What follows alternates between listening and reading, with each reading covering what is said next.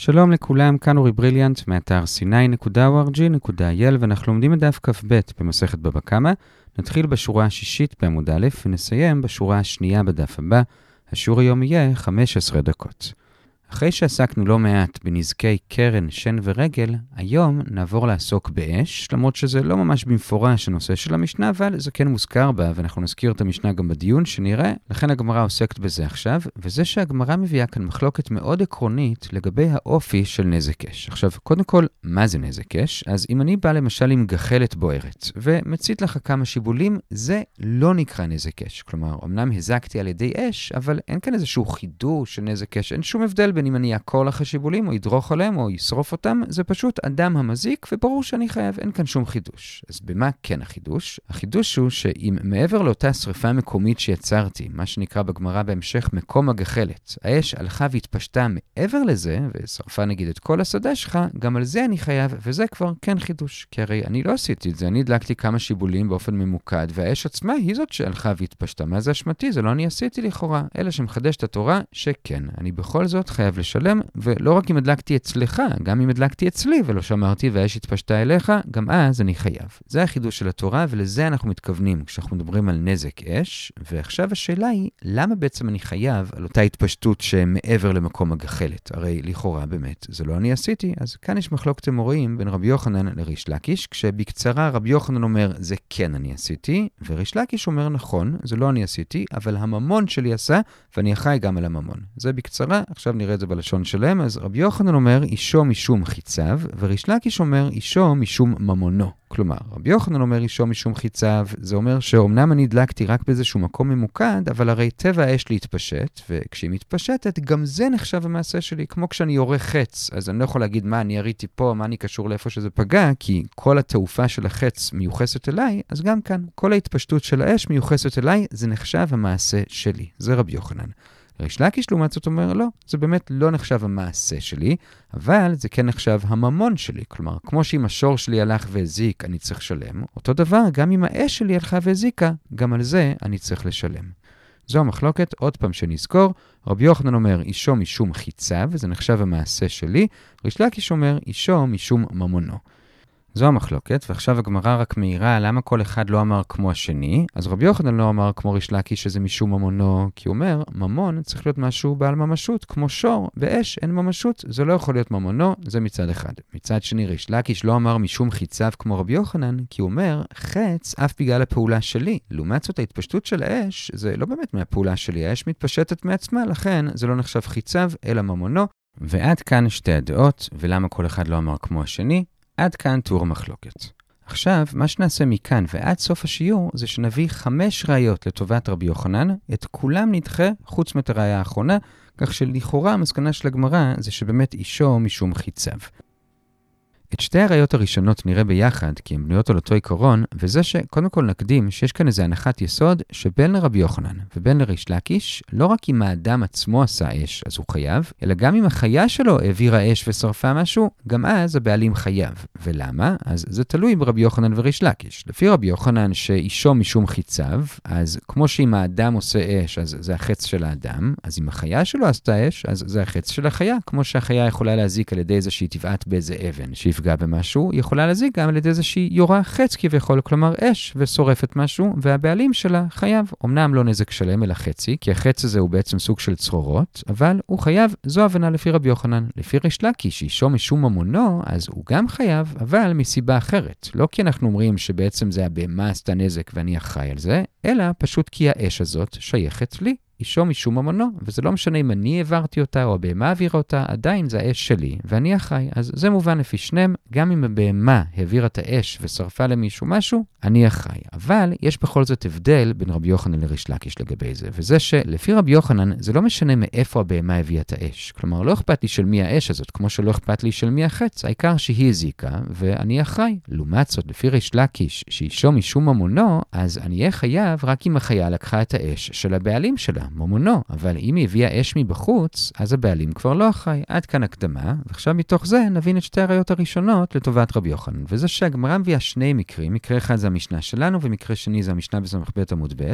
שבשניהם החיה של מישהו הביאה אש ושרפה למישהו משהו, ובשניהם האש לא היה של הבעלים שלה. במשנה שלנו זה כלב שאכל חררה של מישהו אחר, והיו שם גחלים, והוא הלך לאיזה גדיש, הניח שם את החררה ושרף את כל הגדיש, זה במשנה שלנו, ובמשנה בס"ב, הגמל הלך עם פשתן על הגב, היה שם איזה נר בתוך חנות, והיה שם קצת יותר מדי פשתן, אז הפשתן נכנס לתוך החנות, נדלק מהנר, וכל הפשתן עולה באש, הגמל המשיך ללכת, עבר ליד איזה בירה, כלומר ליד בית, ושרף את כל הבית. ובשני המקרים האלו, הדין הוא שאני חייב. במשנה שלנו כתוב חצי נזק, במשנה שם לא כתוב כמה, אבל כן כתוב חייב, והשאלה היא למה. עכשיו, לגבי מקום הגחלת, כלומר, המקום הראשון שבו האש נגעה, זה מובן למה אני חייב. כי כמו שכבר הקדמנו, מקום הגחלת זה לא מה שאנחנו מדברים עליו כשאנחנו מדברים על נזק אש. מקום הגחלת זה נזק ישיר של הבהמה, אין שום הבדל אם הבהמה סתם מאכה שיבולים על ידי ההליכה שלה, או שרפה על ידי איזה אש שהייתה מחוברת אליה, בכל מקרה זה יהיה נזק ישיר שלה, נזק רגל, ואני אהיה חייב נזק שלם. זה מובן בין לרבי יוחנן, בין לריש לקיש, זה לגבי מקום הגחלת. אבל לגבי שאר האש שהתפשטה לשאר הגדיש או לשאר הבית,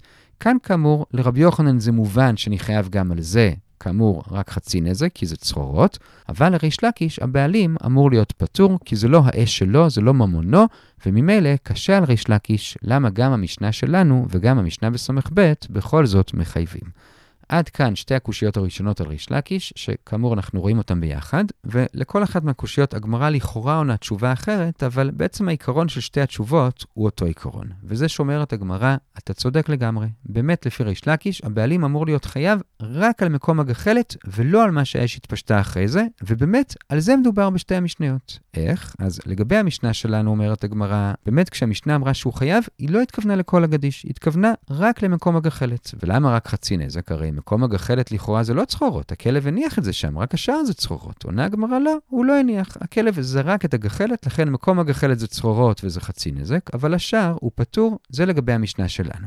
לגבי המשנה בס"ב, אז עקרונית גם יכלו לענות כך, שכשהמשנה אמרה שחייב על הבית, אולי לא התכוונה לכל הבית, אלא רק למקום הראשוני של האש, אבל שם באמת זה פחות מסתבר לומר כך. קשה לומר שהוא חייב רק על חלק מהבית, קשה לחלק, אלא לגבי המשנה שם, אומרת הגמרא, באמת הוא חייב על כל הבית, וזה כי במקרה שם, כל הבית נחשב מקום הגחלת. למה? כי שם נעמיד במסכסכת, כלומר ששם מדובר שבאמת היה המון פשטן, וכנראה הבית לא מאוד גדול, והגמל לא סתם עבר שם והדליק את הבית והמשיך הלאה, אלא ממש נעמד שם בצורה כזאת שהאש לא נגע רק בחלק מהבית ואז התפשט לשער, אלא האש נגע בכל הבית. אז כל הבית נחשב מקום הגחלת, ולכן גם לפי ריש לקיש הוא חייב, כי כאמור, מקום הגחלת זה לא מה שאנחנו מדברים עליו, האם אישו משום חיציו או משום ממונו, אלא מקום הגחלת זה ממש נזק ישיר. ישיר של הבהמה, בוודאי שהוא חייב נזק שלם, ולכן לא קשה על ריש לקיש. עד כאן שני התירוצים לשתי הקושיות על ריש לקיש, ובזה בעצם סיימנו את עיקר שתי הקושיות הראשונות. רק בסוגריים נעיר, לגבי הקושייה על הגמל, לא אמרנו את זה, אבל מה שאמרנו שבעל הגמל אחראי, זה רק כשהנר היה בתוך החנות, וזה אשמת בעל הגמל שהפשטן שלו נכנס לחנות. אבל אם הנר היה ברחוב, אז זה כבר אשמת בעל הנר, והוא חייב. עכשיו, שואלת הגמרא, אם אתה מעמיד במסכסכת, שהגמל אחרי שהפשטן נדלק פשוט נעמד ליד איזה בית ושרף, אז למה אתה מאשים רק את בעל הנר? הרי בעל הגמל גם נמצא נמצא שם, הוא רואה שהגמל שלו עומד ושורף בית, שיזיז אותו. עונה הגמרא, מדובר שהגמל נעמד בשביל להטיל את מימיו, ובמצב כזה אין לך שום סיכוי להזיז אותו תוך כדי, ולכן הוא לא הצליח להזיז, ולכן רק בעל הנר אחראי, עד כאן הסוגריים, ועד כאן שתי הקושיות הראשונות על ריש לקיש והתירוצים. הקושייה השלישית, שמבחינתנו היא בעצם הקושייה השנייה, זה גם כן ממשנה באותו אזור, דף אחד לפני, משנה בס"א עמוד ב', והפעם זה לא על חיה שהעבירה אש, אלא ממש אדם שבא והדליק גדיש, ובתוך הגדיש היה עבד כנעני שהיה כפות, כך שהוא לא יכול לברוח. גם היה איזה גדי ליד הגדיש, זה פחות משנה, והכל נשרף. גם הגדיש, גם העבד וגם הגדי, ומחדשת המשנה שהמדליק פטור. למה הוא פטור? כי יש לנו כלל של קימלי בדרבא מיני. כלומר, אם אדם עושה מעשה, שאותו מעשה גם מחייב אותו מיתה וגם מחייב אותו ממון, אז הוא רק חייב במיתה ולא בממון. ואגב, זה נכון גם אם בפועל הוא לא באמת יהיה חייב במיתה. כלומר, למשל, אם זה היה בכלל בשוגג כך שהוא לא יהיה חייב מיתה, בכל זאת, כיוון שזה מעשה שעקרונית מחייב אותו במיתה, אז הוא לא חייב בממון. זה קימלי בדרבא מיני. תעמיד אותו בגדול יותר, בחמור יותר, כלומר, במיתה ולא בממון. וממילא במקרה הוא, כיוון שיש כאן הריגה של אדם, שזה מעשה שעקרונית מחייב מיתה, אז לא מחייבים אותו על הממון, כלומר על שריפת הגדיש והגדי. אגב, זה רק בדיני אדם. בדיני שמיים הוא כן צריך לשלם, אבל בדיני אדם הוא לא, כי יש קימלי. זה מה שכתוב שם, ועכשיו אומרת הגמרא, כל זה מובן לפי רבי יוחנן, אבל זה לא מובן לפי ריש לקיש. למה? כי הרי אותו אדם לא הדליק את כל הגדיש בבת אחת. הוא הדליק איזשהו אזור בגדיש, ואז משם זה הלך והתפשט לשאר. כלומר, יש כאן בעצם נזק של אש, וזה מה שבסוף הרג את אותו עבד. עכשיו, לפי רבי יוחנן שאישו משום חיצה, אז הריגת העבד מיוחסת ישירות לאדם, הוא כאילו ירה בו חץ. אז באמת הגיוני שכיוון שבאותו מעשה הוא גם הרג אדם וגם הזיק, אז פוטרים אותו מהנזק הממוני. אבל לפי ריש לקיש, שאישו משום ממונו, אז בעצם ההריגה של העבד לא באמת מיוחסת לאדם, אלא זה כמו שהשור שלו הרג אדם. אז מה פתאום שנאמר קימלי בדרבה במיני במקרה כזה? מה, על שור אומרים קימלי? מה פתאום? והוא צריך כן להיות חייב על הגדיש והגדי. אלא מכאן ראיה לרבי יוחנן שזה חיצה. וזו הראיה השלישית לטובת רבי יוחנן, אבל גם כאן עונה הגמרא בצורה דומה, וזה שאתה יצאת מנקודת הנחה שהוא הדליק במקום אחד, ומשם האש התפשטה ושרפה את העבד, כלומר מדין אש, שזה או חיציו או ממונו. אבל אומרת הגמרא, לא נכון. אפשר להעמיד שמדובר שהוא הדליק ישירות את העבד, ומשם האש התפשטה לכל השאר. כלומר, העבד הוא מקום הגחלת, ובמקרה כזה, ודאי שזה כן עכשיו מעשה השיר שלו גם לריש לקיש, כמו שהדגשנו כמה פעמים, וממילא ברור שגם לריש לקיש זה נחשב שהוא הרג, ולכן יש כאן את הדין של קימלי, ועד כאן לגבי הראייה השלישית והתשובה.